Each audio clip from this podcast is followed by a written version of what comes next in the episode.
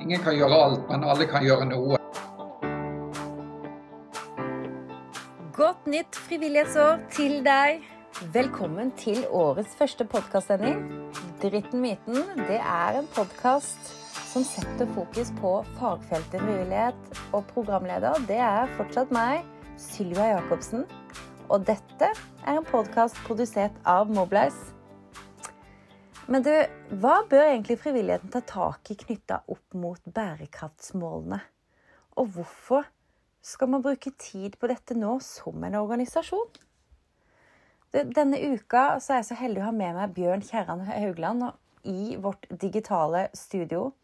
Han er direktør i Skift, som er et næringslivsdrevet klimainitiativ. Og deres formål er å være en pådriver for at Norge når sine klimamål innen 2030. Så har frivilligheten noe å lære av Skift og næringslivet. Dette har jeg gleda meg til. Så du, len deg tilbake, eller strekk på beina og lytt til. Bjørn Kjerran Haugland, bergenser. Tidligere direktør for bærekraft i Veritas og har hatt ledende roller i eh, forretningsområder både i Norge og Korea og Kina. En eh, global anerkjent stemme innen bærekraft, og i dag er han altså direktør i Skift. Så eh, rett mann til riktig tema har jeg virkelig med meg i dag, så velkommen Bjørn. Stor takk for å bli invitert, og takk for introduksjonen. Jo, bare hyggelig. Det her er jo, jeg må jo si, dette temaet vi skal snakke om eh, i dag. Eh, det vil jeg jo si at eh, du er ekspert på. Det er jo bærekraft. Men så snakker vi jo om hva er det frivilligheten kan lære av næringslivet knytta opp mot bærekraft og det, det grønne skiftet. Så det her blir, blir, spennende. Jeg må jo si at det er jo et hårete mål, da, altså, Bjørn. Vi som nasjon og verdenssamfunn skal oppnå nå bare Vi har vel åtte år igjen til å nå de her bærekraftsmålene, er det ikke det? Jo, og, og, på en måte er det jo et hårete mål. På en annen side så kan du si at eh, disse 17 bærekraftsmålene de peker jo på en verden som er større, som er bedre, som er mer rettferdig. Så det er veldig sånne universelle eh, utfordringer egentlig som på en måte er strukturert inn i disse 17 målene. Så så, så, det er vel det som gir veldig mange energi til å jobbe med dem. Mm, mm. Ja, det er i hvert fall Jeg pleier jo å si eh, jeg ønsker å jobbe for bærekraftige frivillige miljøer. Så det, det med bærekraft kan jo eh, Noen tenker jo et grønne skifte, men vi vet jo at disse 17 bærekraftsmålene, det er jo ikke bare grønt. Uh, det er jo for å få kvitt uh, fattigdom og, og sult osv. Så, videre, så, så det er jo utrolig viktig å, å ha fokus på. Men, og jeg vil jo gjerne og jeg tror de som er og lytter òg, har lyst til å, å, vite mer om hvem Bjørn er. Og du har jo som sagt en spennende bakgrunn. Eh, og har jeg jo spent da, altså Hvordan starta din interesse for klima og miljø? Og, og, og hvorfor er, er Skift sitt arbeid så viktig for næringslivet? Mm. Altså, jeg, eh, bare for å starte med det første, så, så, har jeg nok alltid vært interessert i natur og, og friluftsliv. Og, og, og, sånn sett vært, vært opptatt av, um, av miljø spesielt i, allerede fra ungdomsårene mine. Men uh, det var egentlig de årene jeg bodde i Kina at uh, jeg fikk en ny kan du si, oppvåkning rundt dette som næringslivsleder. Uh, og I Kina så jeg jo de store samfunnsutfordringene som Kina står overfor, og som Asia står overfor, og som verden står overfor. Med å bo så tett på store eh, miljøproblemer. Så, så, dette var i eh, 2007-2008, den perioden der, at eh, jeg ble spesielt interessert i dette. Og ikke minst da på basis av å, å lede Veritas sin aktivitet i, i, Kina på den tiden, så store muligheter for, uh, for næringslivet og kan du si, bygge kompetanse innenfor kall det gjerne det grønne skiftet eller en bærekraftig utvikling. Um, fordi at jeg så at det kom til å bli etterspørsel etter den kompetansen fremover. Mm, mm. Så, så, det var nok der jeg liksom fikk en, fikk en, en, en opp, oppvåkning i moderne tid, for å si det sånn.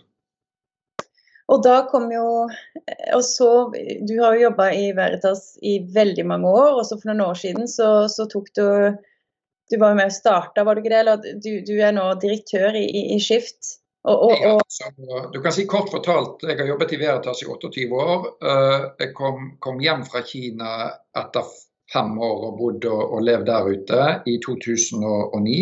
Um, eh, og fikk da ansvar for bærekraft til å bygge opp kan du si, Veritas sin posisjon internasjonalt på bærekraft. Og det gjorde jeg i ca. ti år.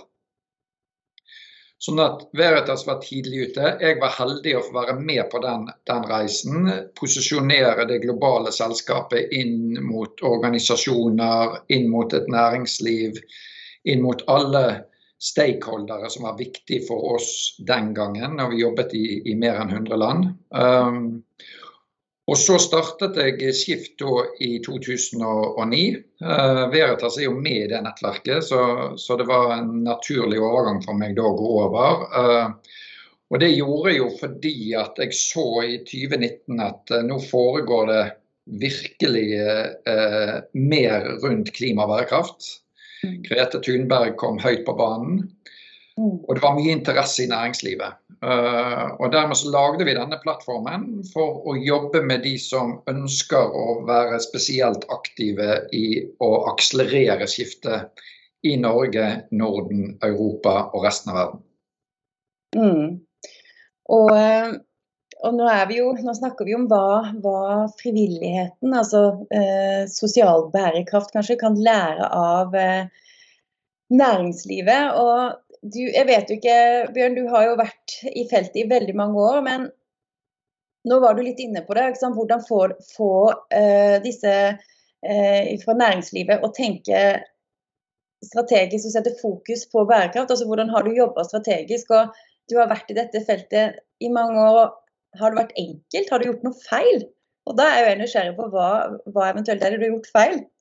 Ja, Altså, jeg har, jeg har, helt sikkert gjort, uh, gjort, veldig mange feil, og denne her podkasten blir veldig lang hvis jeg skal fortelle om alle feilene mine. Men, uh, men, uh, men, men jeg, jeg, kan fortelle om, om, kanskje en sånn hoved Om ikke kaller det feil, så kanskje en liten felle jeg gikk inn i de første årene. Men for det første så er det klart at bedriftene de er jo også opptatt av ikke bare den grønne omstillingen, men, men, men også den sosiale omstillingen. Sånn at, eh, at og, det, og, igjen, Det er derfor de 17 bærekraftsmålene er så viktige. Og, og, det er derfor Når jeg jobber med bedrifter rundt dette, så, så er ikke det sånn at det går an å plukke de bærekraftsmålene som en har mest lyst til å jobbe med, eller som passer mest. Alle må på en måte ha et forhold til helheten. Og, og Gro Harlem Brundtland sa sa jo mye klokt, og en gang sa hun at sannheten finnes i helheten. Og det gjelder også med, med bærekraft. Det, og de 17 målene tar, tar inn over seg bærekraft. Et, jeg har jo alltid vært en optimistisk. Jeg er jo utdannet ingeniør. Ingeniører er jo veldig viktige i verden, for de er med å løse mange utfordringer. Og jeg har alltid sett løsninger til det meste. Uh, og når vi går inn på dette med, med feil eller feller, så vil jeg si at Kanskje de første årene når jeg jobbet med dette, så var jeg uh, veldig kan du si, optimistisk med å bare se muligheter, snakke om muligheter, legge vekt på muligheter. Og, og det er et perspektiv som jeg tror er veldig viktig. Uh, men jeg tror meg og mange andre uh, innså med, med, spesielt det som Greta Thunberg og alle ungdommene rundt henne står for, at at det ikke bare å fokusere på mulighetene som ligger i dette. En må på en måte realitetsorientere seg og akseptere at vi har noen utfordringer. Så, så det er kanskje det viktigste jeg har lært de siste årene. At, eh, at jeg må finne en god balanse med både å peke på muligheter og løsninger, men, men ikke være redd for også å eh, kan du si, å, å engasjere både næringsliv og samfunnet for øvrig rundt problemet vi har. Ja. Mm, mm. Og så, ja, og det er jo eh, altså, det her jeg hører jo at her er det jo de som altså Vi som jobber i organisasjoner eller jobber med frivillige, kan jo lære av det her. For jeg, altså det, eh, det å lære av sine feil, eller lære andre sine feil. Eh, og man er jo optimistisk, og man har jo lyst til å få til alt. Eh, men som du sier, at man må på en måte kanskje òg peke seg ut ting. da, Jeg tenker jo også med bærekraftsmålene at eh, Eh, at ikke man skal bare si at man skal klare å omfavne alle, at det er en match på alle de 17 bærekraftsmålene, men kanskje ta utgangspunkt i noen få. Eh, er noe lurt å, å tenke at man rett og slett tar utgangspunkt i noen av de for å faktisk kvalitetssikre at man gjør disse tingene godt nok? Ja, altså For det første, her, her finnes det ingen sånn uh, absolutt mal på hvordan en skal gjøre det. Så det aller viktigste tenker jeg at hver organisasjon må finnes litt, litt sin måte. Men, men, uh, men, jeg tror det er veldig viktig å først anerkjenne at selv bærekraftsmålene, som mange syns er litt, litt, mye og litt komplekst å, forholde seg til helheten, det er allerede på det steget som vi har de 17 målene, så er det en en ganske sterk forenkling fra hvordan verden egentlig ser ut. Sånn at de 17 målene er, er første steg i en, i en forenklingsprosess. Og, og, og, Derfor så er mitt råd alltid at alle organisasjoner eller bedrifter må begynne å forholde seg til alle målene. Uh, og ikke for tidlig plukke ut noen få. Så så jeg må gå gjennom alle de 17 målene. Jeg må ha gode diskusjoner på hvordan en har en negativ påvirkning, og hvor en har en positiv påvirkning. Mm. Når en har gjort den analysen, så kan en gjerne da på en måte uh, forenkle et steg til og si hvor er det f.eks. de tre områdene som vi har størst negativ påvirkning, som vi må forbedre oss. Og hvor er de tre områdene der vi har kan du si, størst positiv påvirkning, så vi kan liksom akselerere og gjøre mer. Så, så det, det, kan godt være at, at en kan plukke ut noen mål til slutt som en spesielt fokuserer på, men gjør ikke det for tidlig. Eh, ta, ta, helheten først. Mm. Eh, veldig godt, godt, råd å ta med seg.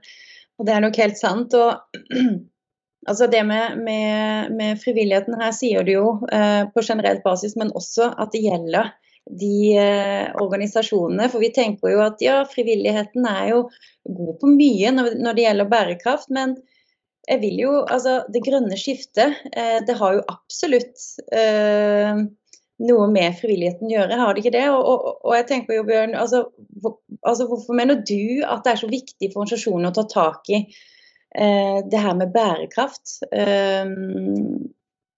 Og, og, hvordan man da kan jobbe med det nå, eller jobbe videre med?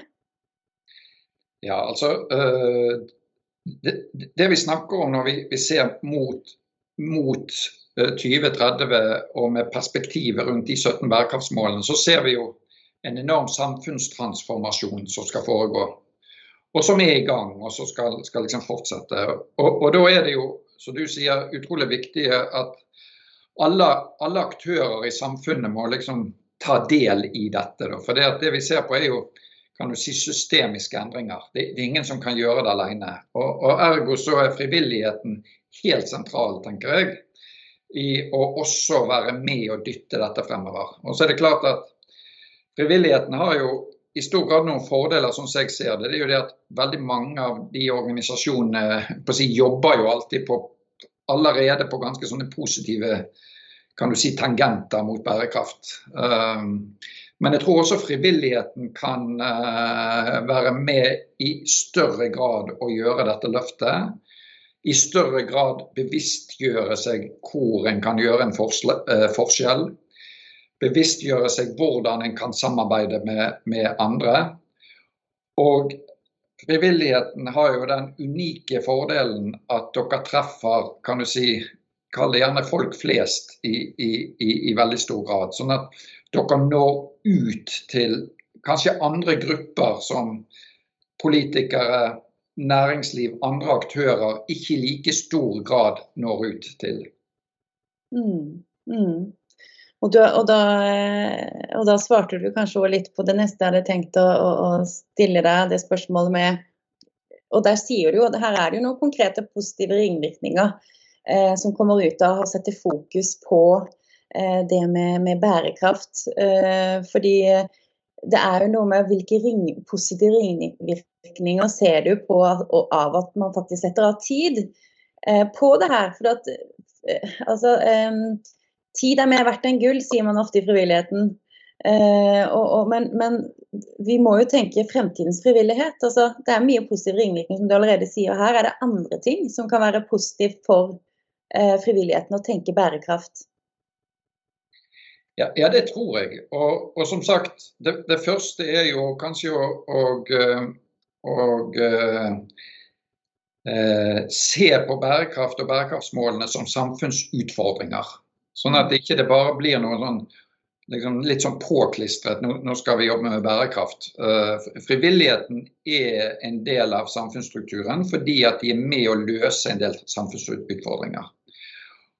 Og, og, Der tror jeg kanskje næringslivet har noe å lære fra frivilligheten. Og Det er jo det jeg jobber veldig mye med næringslivsledere om. At det å være næringslivsleder i dag, ja det handler om å ha en positiv påvirkning på alle stakeholdere. Ikke bare gjøre eierne rikere, men ha en positiv påvirkning hele veien rundt. Og, og Der tror jeg at ledere innen frivilligheten og, og frivillige organisasjoner har det tankesettet allerede ganske Eh, sterkt foran seg. Sånn at jeg, jeg, tror at Når man skal jobbe med bærekraft i frivilligheten, så tror jeg jeg ville anbefalt å, å liksom hele tiden bruke et, et, språk som gjør at det ikke blir noe fremmed, men at det på en måte glir inn under de utfordringene som frivilligheten allerede jobber, jobber med og mot.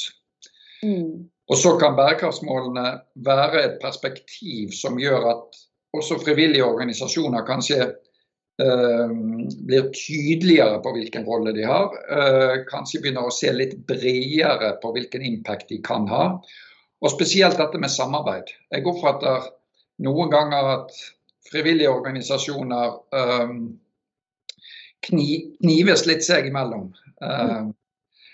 Og, og, Mål nummer 17 handler om samarbeid, å skape nye samarbeid og skape samarbeid om å løse målene. Så jeg tror det med å jeg tror fremtidens frivillighet handler i mye større grad om det en kan gjøre og få til sammen med andre. Og i litt mindre grad om det som denne organisasjonen A, B, C klarer alene. Mm. Ja, det, det, er interessant at du sier det, eh, med at ja, frivilligheten kniver litt. Eh, og du er ikke første næringslivstopp som sier det. Eh, og det er veldig mange jeg har snakka med som kanskje kommer fra næringslivet og kommer inn og skal jobbe i organisasjon eller forening, eh, som blir litt overraska over at ikke det er et bredere og bedre samarbeid. For jeg opplever i hvert fall når man har jobba i frivilligheten og med frivilligheten, at man snakker mye om det å samarbeide og fellesskap. Men det skjer kanskje ikke helt eh, i virkeligheten. Så, så, det er veldig godt at du poengterer hvor viktig det er. Også. For jeg tror òg at samarbeid det er fremtiden.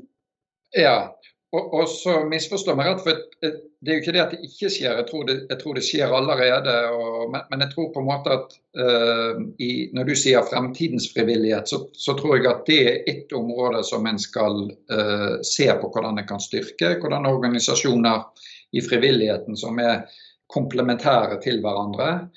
Kan på en måte bidra til å løse et større sosialt problem eller et større eh, grønt problem enn, de kan gjøre alene. Så det har også med frivillighetens 2.0 eller fremtidens frivillighet å se at en kan på en måte jobbe med større utfordringer i samarbeid enn en kan, kan løse alene. Mm. Ja, og når vi snakker om eh, fremtidens frivillighet og vi, snakker om eh, bærekraftsmålene, så er det jo det med hvordan, hvilke positive ringvirkninger eh, har man og, og, kan man få. Og du har jo poengtert noe, noe, viktig og noe veldig konkret noe her allerede, Bjørn. Og, men så tenker jeg hva andre ting er det som kan være konkret for å få de som tilrettelegger og administrerer for frivillig arbeid og kommunikasjonsavdelingen til virkelig ja, vet du hva, nå må vi faktisk satse, for her er det mye positive ringvirkninger. og Da tenker jeg spesielt på det der med Eh, altså, det skal jo gi mening for de frivillige å engasjere seg i din organisasjon, om det er WWF eller Redd Barna eller Røde Kors. Og så skal du jo hele tida eh, opptatt av at organisasjonen eh, At det skal gi mening for organisasjonen å, og gi, eh, for at de frivillige skal engasjere seg. Og så, og så ser jeg jo nå et skifte, da, altså, altså et tydelig skifte som nå har virkelig kommet frem og blussa opp eh, eh, med det med bærekraft i pandemien. Altså, da tenker jeg spesielt Bjørn, på FNs klimarapport som ble publisert i september i fjor. Hvor man fikk en litt sånn oppvåkning igjen. Og, og, og, hva er det som kan komme ut av det? Fordi Er det sånn av og til at man kan stoppe opp som organisasjon og tenke er det lurt nå å tilpasse seg disse, den nye type frivillighet som nå har blitt enda mer opptatt av eh, det grønne skiftet? Eh, at man kan faktisk gange mer mennesker og ressurser inn til organisasjonene for å skille seg ut også. For det er mange om beinet. Og hvis de da gir Altså de fokuserer da på det med det grønne skiftet og bærekraft uh, synliggjør det på en måte, og, og ringvirkningseffekten av det, at kanskje en frivillig, potensiell frivillig sier ja til den organisasjonen enn den. Uh, ja, uh, altså jeg, jeg, sitter jo, som du vet, også i styret til WWF. Ja. Uh, sånn at jeg har gjort det noen år. Sånn at jeg, jeg, på en måte kjenner litt spesielt hvordan hvordan en sånn, sånn organisasjon um, jobber. Og jeg, jeg, tror liksom at uh, i, i, dag så må enhver frivillig organisasjon, uansett på skalaen en jobber, være i stand til å uh, artikulere hvordan det organisasjonen gjør, uh, svarer mot noen samfunnsutfordringer. Og, og, som sagt, Min anbefaling er da alltid å bruke disse 17 bærekraftsmålene, for de er på en måte et universelt eh, globalt system som, som, mange kjenner til. Og, og jeg tror at eh, jo mer en, en gjør det, eh, så er det lettere å kommunisere til, til eh, støttespillere, eh, til sponsorer, til eh, donorer. fordi at en ser at en, en jobber liksom innenfor et, et, et rammeverk som, som alle kjenner seg igjen i. Så, så, så, det er nummer én. Og så, og så tror jeg liksom at fremover så er det utrolig viktig å, for frivillige organisasjoner å kanskje investere litt i systemer, um, metoder, uh, digitale løsninger. Um, for å synliggjøre overfor sine støttespillere uh, hva de gjør, hvorfor de gjør det, og ikke minst etablere toveiskommunikasjon som gjør at det er enkelt for alle støttespillere å ha en, ha en dialog, enten via sosiale medier eller andre plattformer. Men, men det å bruke klokt til å tydeliggjøre hvordan en jobber med, med du sier grønn omstilling eller bærekraftig omstilling. Um, og, og, så ligger det jo i bærekraftspaletten en mulighet tenker jeg, for organisasjoner kanskje til å reposisjonere seg også eh, fremover. Eh, uten å nevne navn, så er det jo ikke gitt at en, en organisasjon som har holdt på veldig lenge innenfor ett tema, eh, og blitt veldig god på det, uh, kan du si skal bare være der. bærekraftsutfordringen er stor og vid. Og det kan også gi en, en mulighet for reposisjonering. Mm, mm, og, og det, bare for å si avslutningsvis, det, det er jo f.eks. noe som vi jobber med både i Jeg jobber jo også tett på Zero og, eh, og WWF. og det er klart at for Etter at nær, næringslivet bygger mer og mer kompetanse, så blir det jo liksom veldig viktig for disse organisasjonene å, å flytte seg litt, litt videre. Fordi at for ti år siden så var det liksom lite kompetanse i næringslivet. Det var viktig at disse miljøorganisasjonene jobbet tett med næringslivet. Nå har næringslivet bygget seg opp, og så må, må miljøorganisasjonene flytte seg et hakk videre. Mm, mm, mm. Og det med å ja, flytte seg eh, et hakk videre. Eh, nå går vi jo mot avslutning, og da tenker jeg du snakka her om no, eh, at man burde investere i eh, noen gode systemer, som også er enig i at det er veldig lurt. Og så hva slags systemer kan det være? Og så tenker jeg har du noen kan, kan, organisasjonen også gå inn og kanskje bli inspirert da, eh, i de verktøyene kanskje dere har allerede liggende, som de kan bruke? Eh, inne, eh, på deres hjemmeside på Skift f.eks.? Absolutt. Eh, vi, vi, har en god del verktøy der som organisasjonene kan gå inn og bruke. og Noen er inne og bruker det allerede. Vi har bl.a.